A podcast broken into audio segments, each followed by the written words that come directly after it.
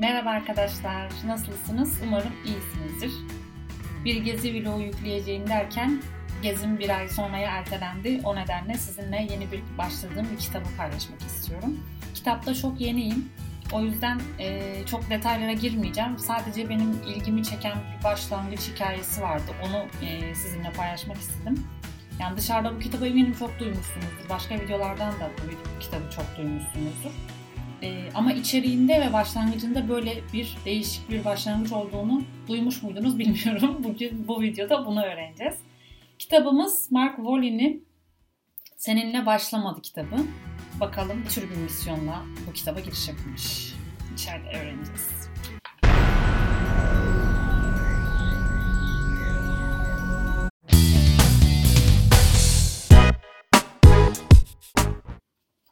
Kitap arkadaşlar Mark Wallin'in kendi ağzından yazılmış.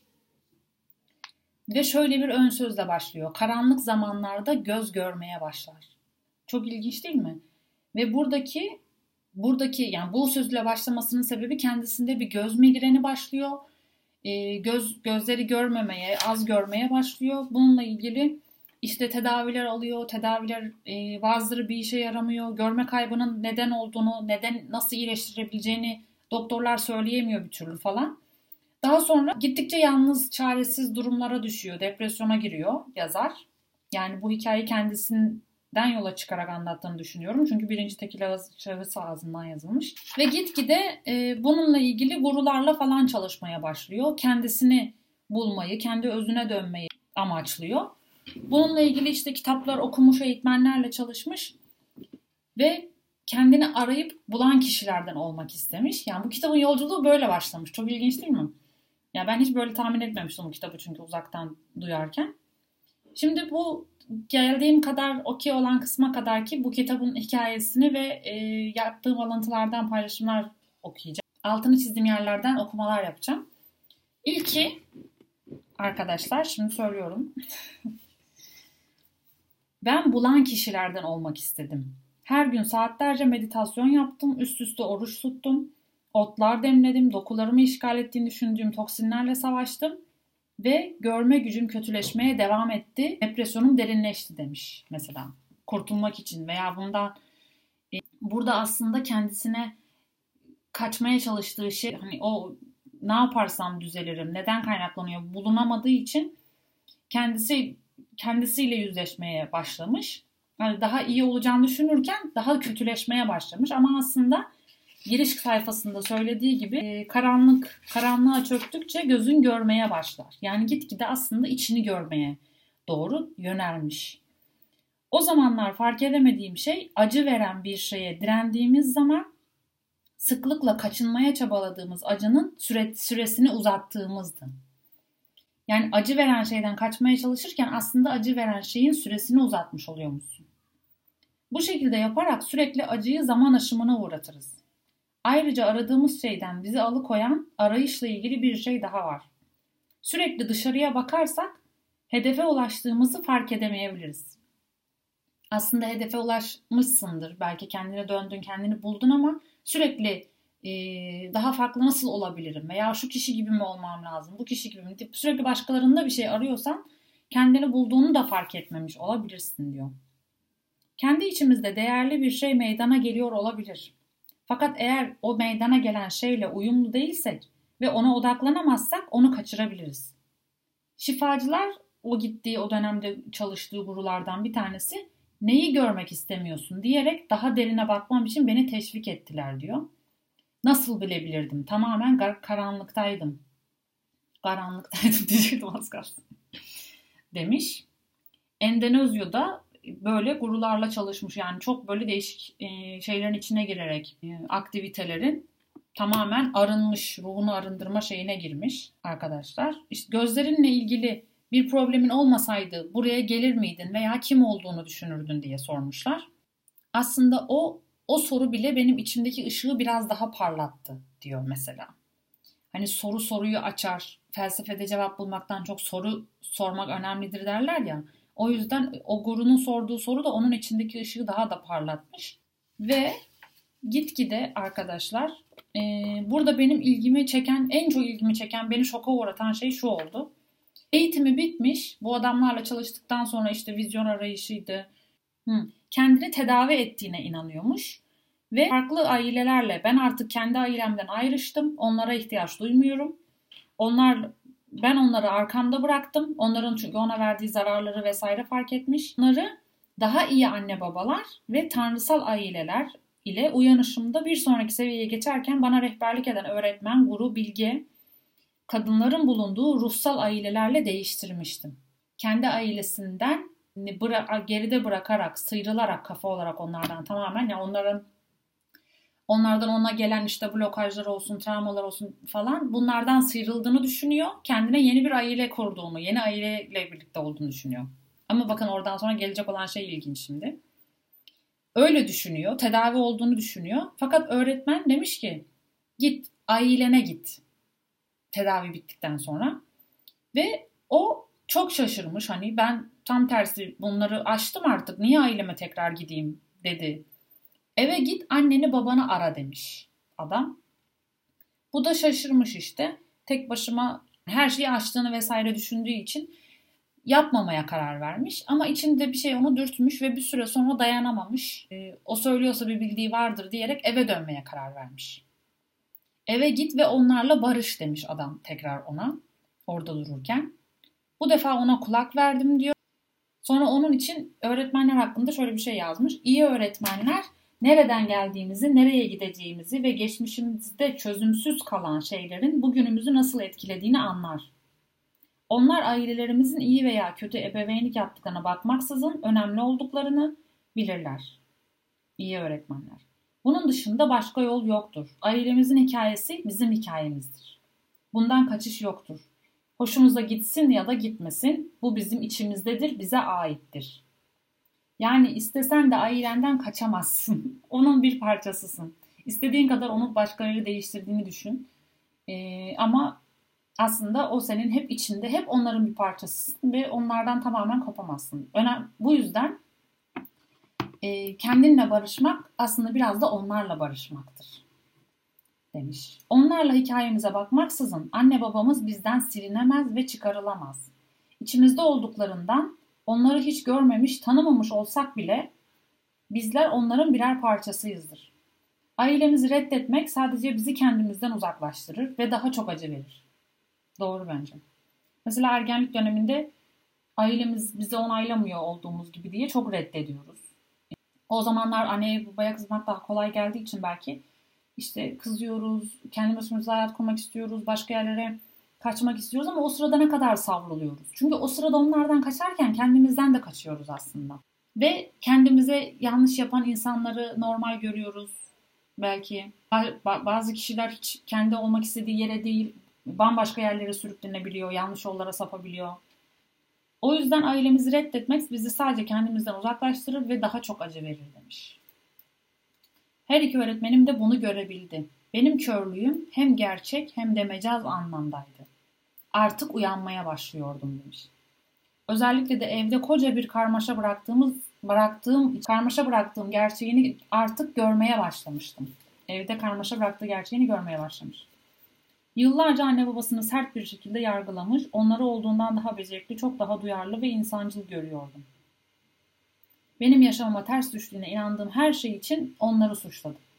Onları gözümde kutsallaştırdığı için e, kendisinin yapamadığı ya da ona ters düşen her şey için onları suçlamış. Şimdi içimde eksik kalan şeyleri doldurmak üzere onlara geri dönmem gerekiyordu. İçimde eksik kalan şeyleri doldurmak üzere. Ailem benim zayıf yanımdı. Bakın bunları kabul etmek o kadar önemli ki bence. İşte uyanış o zaman başlamış belki de Mark Wahlberg için. Başkalarından sevgi alma becerimin annemden sevgi alma becerime bağlı olduğunu fark etme noktasına geliyordum. Ailenle bir şeyin çözemiyorsan, sürekli ailenden kaçıp başka yerlerde dünyanın bir ucuna da gitsen kendini bulamaz, kendini iyileştiremez, kendini çözemezsin demek ki. Bu çıktı ortaya. Bu kitap daha bu kadarcık kısımda böyle beni şoka uğrattığı için devamını çok merakla bekliyorum açıkçası ama aynı zamanda başka bir kitap daha okuduğum için biraz ağır gidiyor. Mesela burada e, benim başka videolarda psikologlarda izlediğim şey de aklıma geliyor. diyor ya anneden sevgi alma becerisi e, benim genel olarak insanlardan sevgi alma becerime bağlıydı. İşte, e, şey derler hep. İlişkileriniz kötüyse annenizle olan ilişkinize bakın. Annenle ilişkin nasılsa e, arkadaş aşk ilişkinde öyle oluyormuş. Parayla ilişkin nasılsa onu da babanla olan ilişkine bak diyorlar. Babanla ilişkin iyi ise parayla ilişkin de iyi oluyormuş. Babanla ilişkin kötüyse parayla ilişkin de kötü oluyormuş. Yani parayı çekemiyormuşsun, kazansan da çok çabuk harcanıyormuş, bereketli olmuyor vesaire. İlginç. Bunu ben biraz e, yani bilmiyorum inanmak istediğim için de ama şeyde fark ettim. Ben bu sorunlarımı çözmeye başladıktan sonra ilk aşamada kendi işimi kurma aşamasındaydım ve çok az para kazanıyordum. İşsizlik maaşıyla geçiniyordum. Ondan sonra e, bu problemlerimi çözdükçe, çözmeye başladıkça biraz böyle babayla ilişkili sorunlarımı çözmeye başladıkça işlerim daha da hızlı ilerlemeye başladı. Bir anda bir çalışan kadar e, yani maaş kazanabilecek kadar seviyeye geldim. O zamanın parası da 5000 6000 diye o zaman asgari ücret kaçsa işte o kadar kazanabilecek seviyeye geldim. Bir 6 ay içinde falan.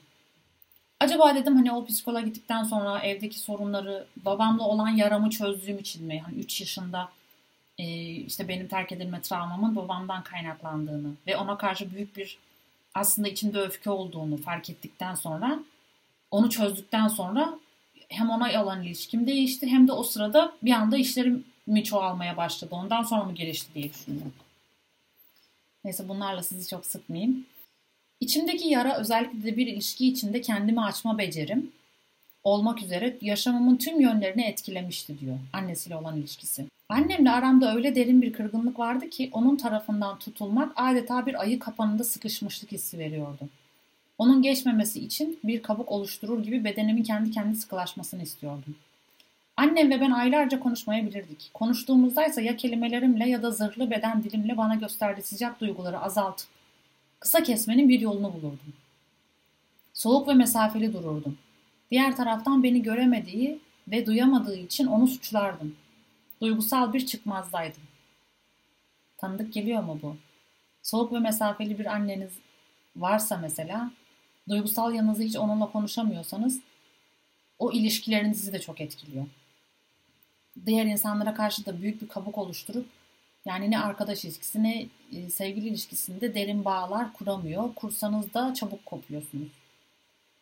Aramızdaki kırgınlığı düzeltmeye kararlı bir şekilde Pittsburgh'a gitmek üzere uçak rezervasyonu yaptırdım. Birkaç aydır annemi görmemiştim. Evle cadde arasında yola gelir gelmez göğsümün sıkıştığını hissettim. Yaklaşırken annesine. Aramızdaki ilişkinin düzelebileceğinden pek emin değildim. İçimde kötü bir his vardı. Kendime en kötüsünü hazırladım. Aklımda senaryoyu canlandırdım. O bana sarılacaktı. Ben sadece onun kolları arasında gevşemeyi dileyerek tam tersini yapacaktım. Adeta çelik gibi olacaktım. Hemen hemen öyle oldu. Zar zor katlanabildiğim bir kucaklaşmayla beni sardı. Nefes almakta zorlandım. Ya bir de böyle aşırı sıcak görüntü. Sıkıca sarıp sarıyorlar, sıkıca sevgi gösteriyorlar ama sen yine duygu veremiyorsun. Yani o duygusuz gösteriyor gibi gözükmesine rağmen sen duygunu ona açamıyorsun mesela. Bu işte sırf senin duygusal yanını göremediği için. O istediği kadar sana aşırı sıcak bir sevgi göstersin sen onu alamıyorsun. Yine de ondan bana sarılmaya devam etmesini istedim. İçten dışa bedenimin dayanma gücünü, de nerede kasıldığımı, ne gibi duyguların açığa çıktığını nasıl durdurabildiğimi öğrenmek istedim. Farkındalığını artırdığı için o an yaşadıklarına odaklanmış. Bu benim için yeni bir bilgi değildi. Bu kalıbın ilişkilerime yansıdığını görmüştüm. Sadece bu defa uzaklaşmıyordum. Planım içimdeki yaranın kaynağına ulaşmaktı. Yani içimizdeki yaranın kaynağı ailemiz. Onlarla ilişkimizi düzelttiğimizde ilişkilerimiz ve hayatımızda nerede sorun yaşıyorsak oradaki şeyler de düzelmeye başlıyor. Şimdi bu farkındalık seviyesini artırdığı için ailesine tekrar döndüğünde onlarla olan ilişkisinde daha farklı bakmış her şeye, daha farkındalıkla bakabilmiş. Annem bana daha uzun süre sarıldıkça patlayacağımı düşündüm. Bana sarılması fiziksel olarak acı vericiydi. Göğsüm ve karnım titriyordu. Gevşemeye başladım. İlerleyen haftalarda gevşemeye devam ettim demiş. Ee, ona karşı savunmasız değildim. 30 yıl boyunca da onu kendimden uzaklaştırmıştım. Neden? Annemle ben aslında 2 yaşındayken ayrılmıştık. Bir yerde bilmeden bir sertlik içimde köklenmişti. Annem eve döndüğünde onun ilgisine güven duymayı bırakmıştım. Vay anasını. İşte 3 yaşına kadar anne babadan çocuğun uzak kalmaması gerekiyor diye boşuna demiyorlar. Ben de işte o 3, 2,5-3'e doğruyken babam evden uzaklaşmış. Ben o zaman geri dönse bile onunla tekrar duygusal yakınlık kuramamışım demek ki diye düşünmüştüm. Yani bunu fark edip o travmayı çözmek bile onunla olan ilişkinizde büyük bir adım oluyor arkadaşlar. O yüzden geçmişinizi araştırın bence. E, hayatımın bir anda mahvolabileceğine dair taşıdığım korkuya bir başka olayın daha katkısı olmuş olabilir. Ha burada da şey annesi doğururken onun çok zorluklar yaşamış. Bunlardan biri de doktor forceps kullanmış. Bunun sonucunda çok sayıda morluk ve çökük oluşmuş doğan kişinin kafasında yani yazarın. Annem ilk başta görünüşümün onu kucaklamasını zorlaştırdığını pişmanlıkla açıkladı. Onun hikayesi yankılandı içimde. Ta derinde hissettiğim mahvolma hissimi açıklamama yardımcı oldu. Özellikle doğumundan kalma travmatik anılardan dolayı ben ne zaman yeni bir proje doğursam ve toplum içinde yeni bir çalışmamı sunsam bedenimde saklı kalan bu duygu gün yüzüne çıkıyordu. Kimse o projeyi sevmeyecek, onu sakla, sarmak istemeyecek diye ya da o saramıyor. Sar, saramıyor ne ya? Sarayava gibi. e, o kendi yarattığı projeye sahip çıkamıyor. Bunu anlamak bile bana huzun verdi demiş. Ayrıca beklenmedik biçimde annemle ikimizi yakınlaştırdı demiş. O işte hani o çelik gibi kendisini tutmasının sebebinin doğduğunda annesinin ona sarılamaması duygularının canlandırdığı, ondan kaynaklı olduğunu fark etmesi bile annesiyle ikisini yakınlaştırmış. Bir yandan annemle bağımı onarırken bir yandan da babamla ilişkimi yenilemeye başladım. Harabe gibi küçük bir apartmanda tek başına yaşıyordu. Annesiyle babası 3 yaşında boşanmışlar. Babasıyla ilgili de şöyle bir durum varmış. Her zaman babamla yakın bir ilişkimiz olmasın, ilişkimiz olmasını istemişimdir. Ancak ne de ne o ne de ben bunu yapamadık. Halbuki bu defa konuşmayı sürdürdük. Babama onu çok sevdiğimi, iyi bir baba olduğunu söyledim. Onunla küçüklüğümde benim için yaptığı şeylerle dolu anılar paylaştım. Hareketleriyle omuz silkmesi, konu değiştirmesi gibi beni dinlemiyormuş gibi yapsa bile onun söylediklerimi dinlediğini hissedebiliyordum. Konuşmalarımız ve anıları paylaşmak haftalar sürdü.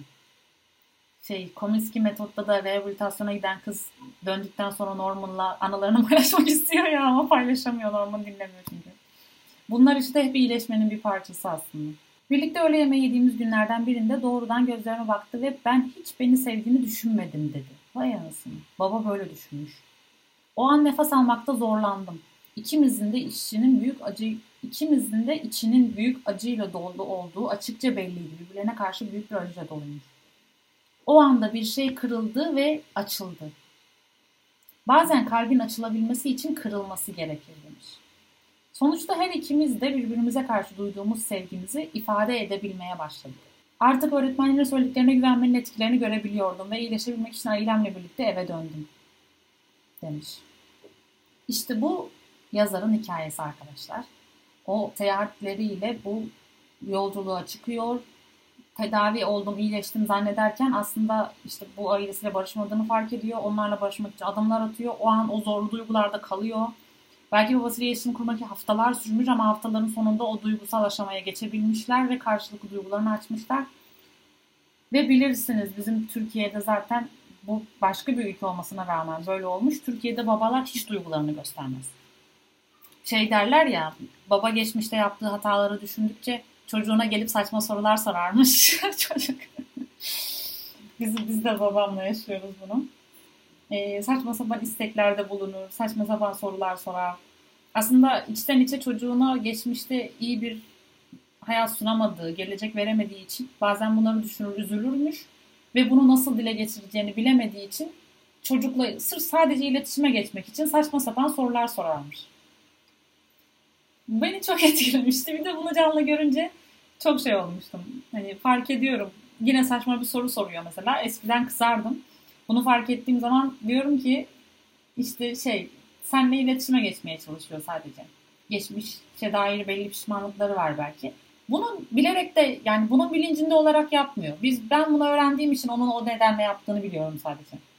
Çünkü önceden mesela ergenlik döneminde hiç konuşmazdı bile benimle. Nasıl olduğumu sormazdı, takdir aldım, teşekkür aldım. Bunlarla ilgilendiğimi hiç hatırlamıyorum. Dair genel olarak bir şeyler yaşıyorlardır belki bilmiyorum. Yaşlandıkça biz nasıl gelişiyoruz? Onlar da bazıları, herkes değil bazıları katı bir şekilde duruyor hiç gelişemiyor da bazıları gelişiyorlar. Şimdi 2-3 alıntım daha var onları da okuyayım. Videoyu kapatayım. Ee, tedavi ve dönüşüme dair birçok hikayede olduğu gibi terslik gibi görünerek başlayan şey aslında kılık değiştirmiş bir güzelliktir. İşe bakın ki cevaplarımı gezegenin en ücra köşelerinde ararken iyileşebilmek için en harika kaynakların zaten benim içimde olduğunu, bir yere gitmesi gerekmediğini anlamış. Sadece ortaya çıkmayı beklediklerini anladım. Sonuç olarak iyileşmek içimizle bağlantılı bir iştir. Şükürler olsun ki öğretmenlerim beni anne babama gönderdi ve kendime getirdi. Yol boyunca ailemdeki hikayeleri ortaya çıkardım ve bunu yapmak bana sonunda huzur verdi. Yeni keşfettiğim özgürlük ve şükür duygusundan dolayı başkalarının kendi özgürlüklerini keşfetmelerine yardımcı olmak misyonum haline geldi. Ben de böyle oldum gerçekten. Yıllarca özgürlük arayışı, kaçış, kaçmak, özgür olmak, herkesten bağımı koparmak arzularım varken e, problemlerimi çözdükten sonra kendi kendime bir özgürlük duygusu geldi. Ve e, derler ya sen kendi ışığını bulduğunda başkalarına da ışık saçarsın. Başkalarını da kendi potansiyellerini keşfetmeleri, kendi yollarını bulmaları için e, teşvik etmeye başladım. Başta da herkesi psikoloğa yönlendirmeye başladım. Çünkü e, ben ne kadar söylersem söyleyeyim boş. Onun kendisinin kafasında o aydınlanma yaşaması lazım. O aydınlanma yaşatan da sorduğu sorularla psikolog oluyor. Travmayı tedavi etmek birçok yönden şiir yazmaya benzer. Her ikisi için de doğru zamanlama, doğru kelimeler ve doğru resim gerekir. Bu faktörler ayarlandığı zaman bedende hissedilebilecek anlamlı bir şey harekete geçer. İyileşebilmek için hızımız uyumlu olmalıdır. Bir resme çok erken ulaşırsak köklenemeyebilir. Bizi rahatlatacak kelimeler çok erken ulaşırsa onları özümsemek için hazır olmayabiliriz. Kelimeler dakik değilse onları duyamayabiliriz. Yani işte o uzaklara gitmiş, rahatlatacak kelimeleri belki duyduğu için de şey yaptı ama o onları duymaya hazır olmadığı için sindirememiş özünde zaten. Ailesiyle problemlerini çözüp belki gitseydi o tedavi amaçlı gittiği yerlere çok daha ıı, etkili olabilirdi. Ama herkesin şeyi farklı işte o da öyle olmuş. Evet son olarak yol boyunca hayatımızın yolu boyunca bildiğimiz ve bilmediğimiz aile üyeleriyle karşılaşabiliriz. Bazıları yıllar önce ölmüş olabilir, bazıları alakalı bile olmayabilir. Fakat onlar acıları veya zulümleri ailemizin kaderinin gidişatını değiştirmiş olabilir. Uzun süre önce örtbas edilmiş hikayelerdeki bir veya birkaç sırrı açığa çıkarabiliriz. Fakat deneyimlerin bu keşfimizi nereye götüreceğini düşünmeksizin bedenlerimizde harika bir özgürlük duygusu ve kendimizle çok daha huzur içinde olabilme becerisi ile hayatlarımızda yeni bir yere varacağımızı göstermektedir. Ya bu biraz da şey işte geçmişinle bağlantını bulman için aile dizimi falan yapıyorlar ya onu bilmiyorum ona kadar faydalı bir şey yaptırmadım da ee, geçmişinizdeki travmaları bulun aile geçmişinizdeki derler. Kıtlık bilinci nereden geliyor işte çapkınlık nereden geliyor Mesela bizim bir sülalenin bir tarafında 4-5 e, kardeş birden hepsi aynı derecede çapkın. Sonra ben öğrendim ki, babam da öğrendi ki hikayemizin atalarımızdan birisi çok böyleymiş köyde ve bu sebeple öldürülmüş. Ee, ve bu hikayeyi çok az kişi biliyormuş. O yüzden bunun kim olduğunu burada söylemiyorum. Çünkü beni kuzenim de izliyor. Bu videoyu izlerse gelip bana sormaz umarım. Ee, öyle bir kök geçmiş olduğu için belki de o bunu benim babam çözmüş. O yüzden babamda öyle bir şey yok mesela. O hikayeyi öğrenmiş babam. Ama başkaları bunu öğrenmediği, bilmediği için e, onu onun etkisinde kal, kalmışlar. Belki hala devam ediyorlar o şeyi. Ondan çıkamıyorlar. Onun onda onlara etki etmiş ve onun doğru olduğunu düşünüyorlar. Yani başkasına zarar verip, başkasından böyle e, ümit verip, duygusal bir şeye sürükleyip sonra o kişiyi rahatlıkla bırakabiliyorlar falan. Ben şimdi geçmişe bunları öğrendikten sonra şeyi fark ettim. Ben de o tarz e, adamlara çekilmişim hayatımın bir döneminde. Yani böyle sana bağ kuruyormuş gibi şey gösterip seni çok işte iyi hissettirip daha sonra aslında çapkın bir kişilik olarak e, sağa sola bakmaya devam eden insanlara ben farklı gözle bakarak onları farklı bir yerde oturttum. Hayatımın sadece kısacık bir döneminde böyle insanlarla karşılaştım. Belki de o da o travmanın etkisiydi bilemiyorum. Şimdi aile travmaları diye bir bölüm var. Ee, buraya geçmeyeceğim çünkü buranın devamı da var. Sadece bu kitaba bir giriş yapmak istedim. Ee, çok da e, ilerlediğim, okuma yaptığım bir şey yok. Bir kısmın yani okuduğum kısımda da dediğim gibi giriş yaparsam uzayacak. O yüzden devamı bir sonraki videoda olsun. E, siz kitabı nasıl buldunuz? Merak ettiğiniz bir kitap mıydı? Okudunuz mu bu kitabı? Sizde neler uyandırdı? Ve okumadıysanız da devamını merak ediyor musunuz? E, ya da ailenizde belli travmalar var mı? Çözer, çözdüğünüz, keşfettiğiniz şeyler var mı, olaylar? Bunları bize benimle e, yorumlarda paylaşırsanız çok mutlu olurum. Böyle arkadaşlar e, kendinize iyi bakın. Bir sonraki videoyu inşallah daha yakın bir zamanda yüklemeye çalışacağım. Çok yoğun bir döneme girdiğim ve yaz mevsimi olduğu için e, çok sık video çekemiyorum. Güzelce okuyup kitabı dediğim gibi bir sonraki videoda dolu dolu gelecek inşallah. Yorum yaparsanız, beğenirseniz, kanala abone olursanız mutlu olurum. Olmasanız da canınız sağ olsun. Beni izlediğiniz için teşekkür ederim. Kendinize iyi bakın. Hoşçakalın.